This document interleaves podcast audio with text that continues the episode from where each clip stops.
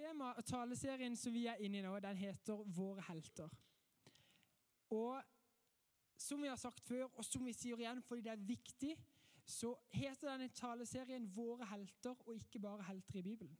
For vi tenker at alle som er kristne, alle som tror på Jesus, trenger å ha disse som sine troshelter.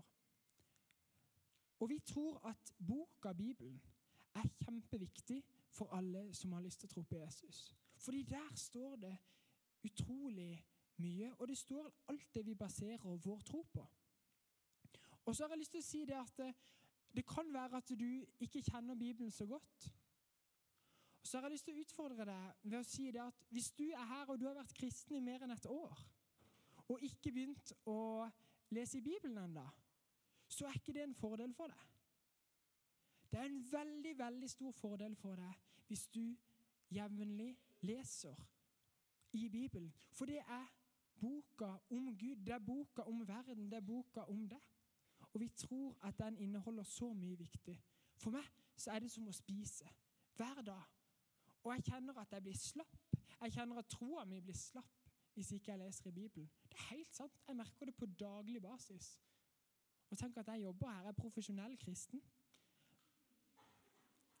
Men dere, våre helter I dag så er helten Elia. Og det kan være mange av dere tenker Hæ? Elia han har jeg aldri hørt om. Og noen av dere kjenner til han. Elia er en mann som alle burde kjenne til, tenker jeg. Og det som er kult med Elia, det er det at han var skikkelig høyt oppe og skikkelig power og glory og sykt bra. Og så var han skikkelig langt nede. Og på begge steder så møtte Gud han. Og på begge steder så erfarte han at det går an å tro på Gud. Og det syns jeg er veldig spennende. Men jeg skal begynne å si litt om hvem var han der Elia. Fordi at Elia han var en mann i Gammeltestamentet. Gammeltestamentet det er jo den eldste delen av Bibelen, altså fra før Jesus ble født. Han ble faktisk født 900 år før Kristus. Så da kan dere tenke dere hvor lenge siden det er. Han var det vi kaller for en profet. Og en profet, det var en mann eller kvinne som fikk et budskap fra Gud, hvor de skulle si dette videre. Hvor Gud ville si noe til folket. Og dermed så ga noen ord til en mann, og han het Elia. Så han fikk noen tanker som var fra Gud, som han delte med folket. Han var en innflytter, så han bodde der han bodde, var egentlig ikke der han kom fra. Han gikk med Gud. Han var en troende som trodde på Gud, og Gud var viktig for han og i hans hverdag. Og så var han trofast. Han var ikke bare sånn at ja, Gud, når jeg kjenner de gode følelsene, eller når jeg har en god dag, så tror jeg på det. Men hele tida vil jeg være med deg. Men så levde Elia i en tid, i en situasjon, som var litt spesiell, dere. Den var sånn at det var litt sånn nye tider. Det var annerledes enn sånn det hadde vært.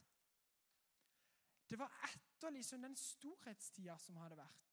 Fordi at landet som han bodde i, det vi kjenner i dag som Israel, det var et land som hadde liksom Det hadde gått ganske bra for det. Men så hadde det skjedd en krise. Landet hadde blitt delt i to. Og ikke bare det, men landet og folket og kongen Han fulgte ikke lenger Gud. Han var ikke så opptatt av hva boka i Gammeltestamentet hva sa. For de hadde noen av skriftene i Gammeltestamentet. Han var ikke så opptatt av det. Han var mer opptatt av andre sånn liksom Gud var. Og folket de fulgte heller ikke Gud. Så det var mye sånn umoral, og det var dårlig stemning generelt i samfunnet. Dårlig utgangspunkt, ikke så bra. Og så, dere, så skjer det noe. For da får Elia noen et oppdrag. Og Jeg skal fortelle dere om tre historier om Elia. Og De tre historiene er litt forskjellige. Den første er litt sånn typisk sånn heltehistorie. Den andre er sånn ikke-typisk heltehistorie. Og hva blir den siste, da? Jo, det er en litt sånn annerledes helthistorie. Er dere klare for det? Ja, det var labert, Sava. Men det som skjedde, det var det at Elia En dag så hørte Elia fra Gud at han skulle fortelle folket og kongen noe.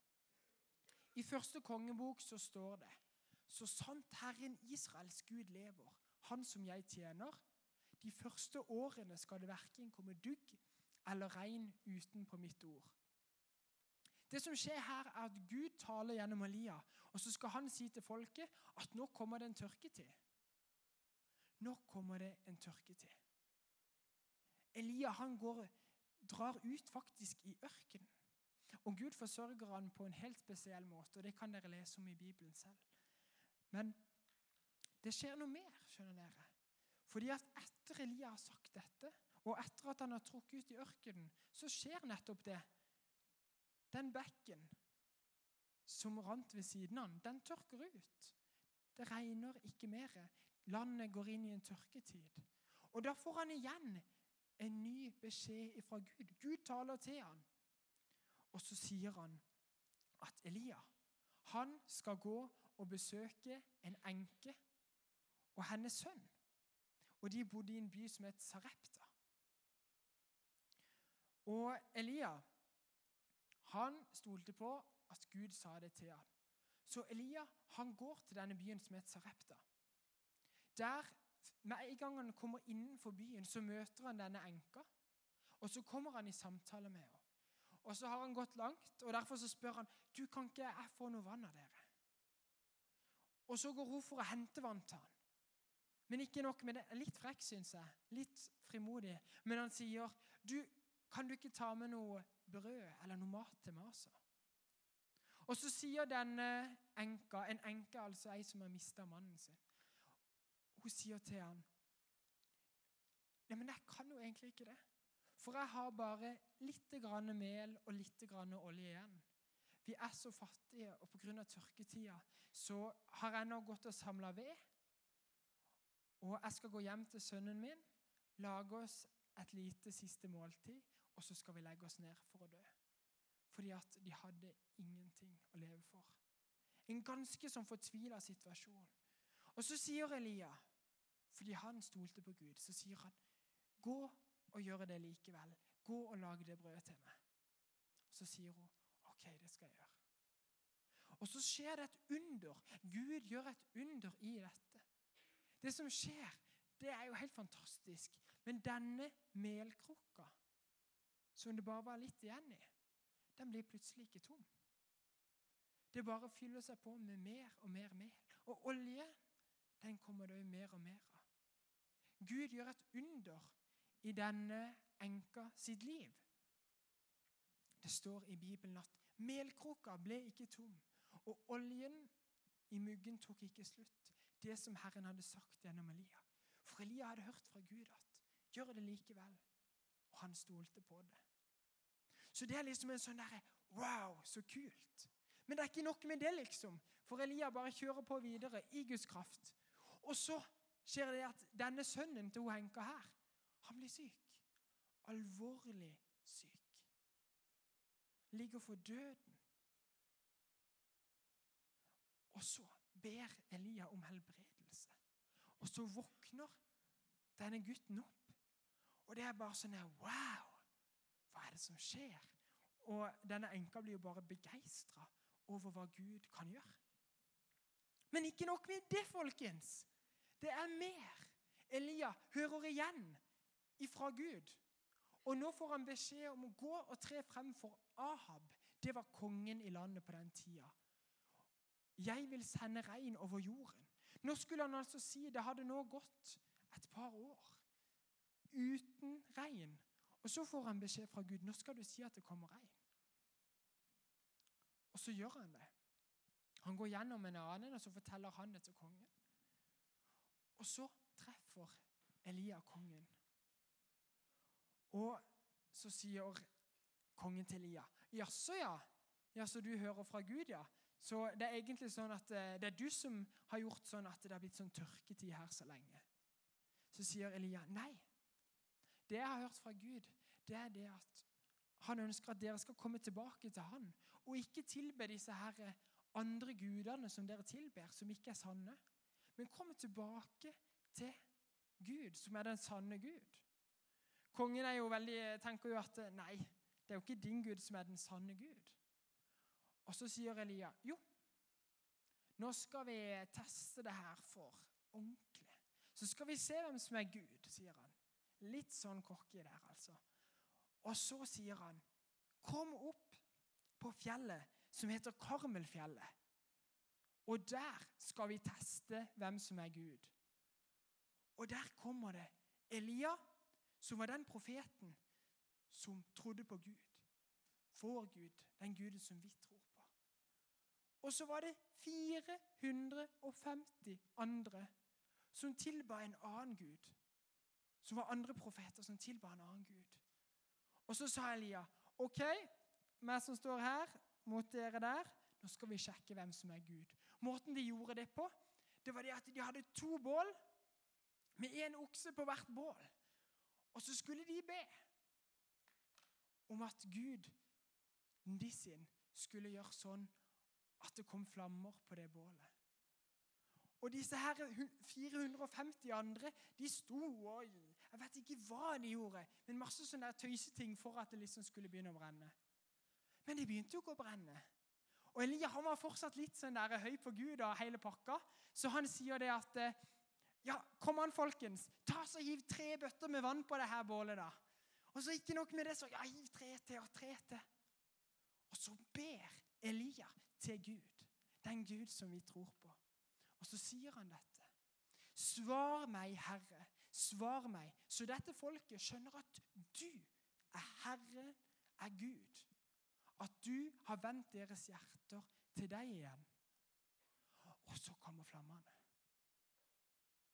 Og Gud viser seg helt tydelig for alle sammen der. Og alle skjønner at det er jo Elias Gud som er Gud. Og ikke nok med det, folkens. Plutselig så ser de at en sky forma som en hånd kommer opp over himmelen. Og det begynner å regne, som Elia hadde hørt ifra Gud. Han stolte på det Gud sa, for det om han bare var én. Og han er sånn superhelt som bare po, po, po, og går i Guds kraft. Men dere, nå kommer det noe annet her. Fordi at Elia er ikke Supermann. Elia er menneske. Og så får han høre det at dronninga Dronninga som het Jesabel, som var gift med kong Ahad, hun har sagt det at nå skal Elia drepes. Hun truer han på livet. Elia blir livredd. Og det han gjør, det er det at han igjen løper ut i ørkenen. Og han gjemmer seg faktisk. Han gjemmer seg bak en busk som var en gylden løvebusk. Ikke spør meg hvilken busk det er. Jeg tok et litt sånn nøytralt bilde bare fordi jeg ikke vet hvilken gylden løvebusk er. Så dere får tenke at det er sikkert en kul busk. Men han gjemte seg der. Og så ber han til Gud en bønn som bare Hallo! Jeg kjenner deg ikke igjen, Elia. Det var jo ikke det sånn du holdt på i stad kan dere se her. Nå er det nok, Herre, sa han. Ta mitt liv, for jeg er ikke bedre enn fedrene mine. Fra å være på topp liksom, til å hive vann på bålet, til å be til Gud og til å liksom gønne på, så er han helt ned på bånn. Og så sier han, 'Ta livet mitt, Gud.' I frykt, i angst, i redsel. Men Gud er Gud, dere. Og Gud møter han også der. Og han sier til han, 'Gå til den hula der, og så vil jeg møte deg.' Han sier, 'Gå og still deg opp på fjellet for Herrens ansikt, så vil Herren gå forbi.' Altså Elia får beskjed om å gå inn i denne hula her, og så får han beskjed om å komme ut. Og Nå har liksom Elia blitt satt litt mot igjen, fordi han har opplevd at Gud talte til han igjen. så han er liksom litt på igjen. Og jeg kan jo ikke vite hva Elia tenkte nå. For nå har han jo vært oppe på toppen, og så har han vært i bunnen.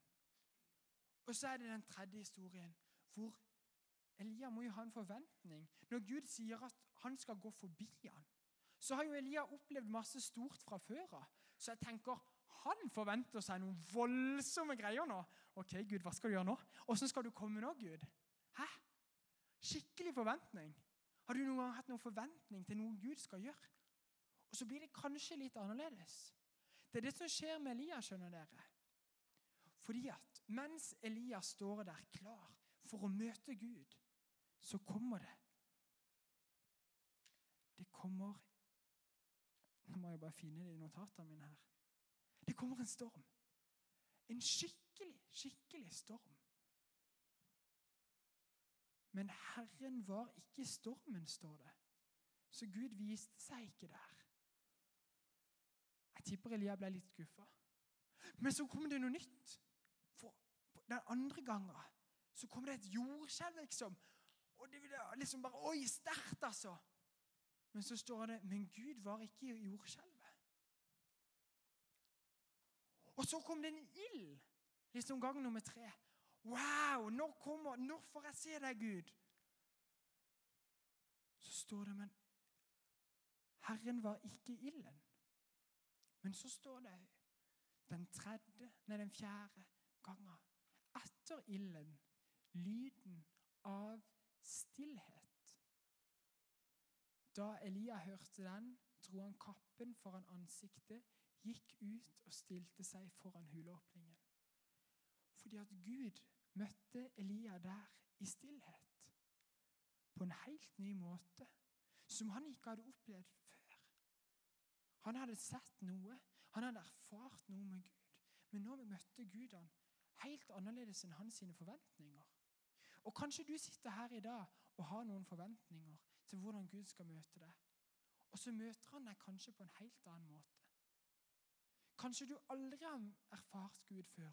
Og så tenker du at det må liksom blinke lys, og det må være jordskjelv og lyneslag. og uh, Du må begynne å grine og hele pakka. Kanskje skjer det. Men det kan godt være at du erfarer at når du sitter her og ber, når du er stille, når du kommer til forbønn, så blir du møtt av Gud.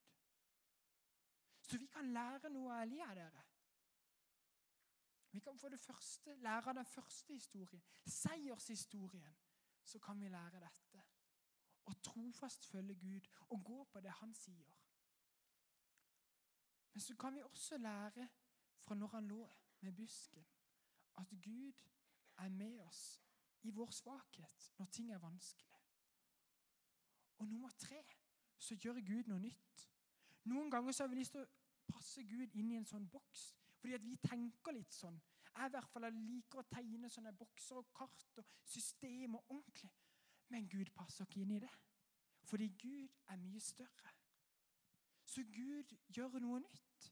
Og så har jeg lyst til å stille deg dette spørsmålet, som du skal ta med deg videre. Hvor er du akkurat nå?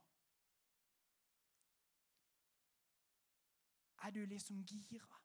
Er du på topp? Kjenner du bare at du har lyst til å forandre verden for Jesus. Gud har lyst til å møte deg. Er du bak busken? Kjenner du at du liksom er helt på bånn? Kjenner du at du ikke har noe kraft, noe styrke? Gud har lyst til å møte deg. Eller venter du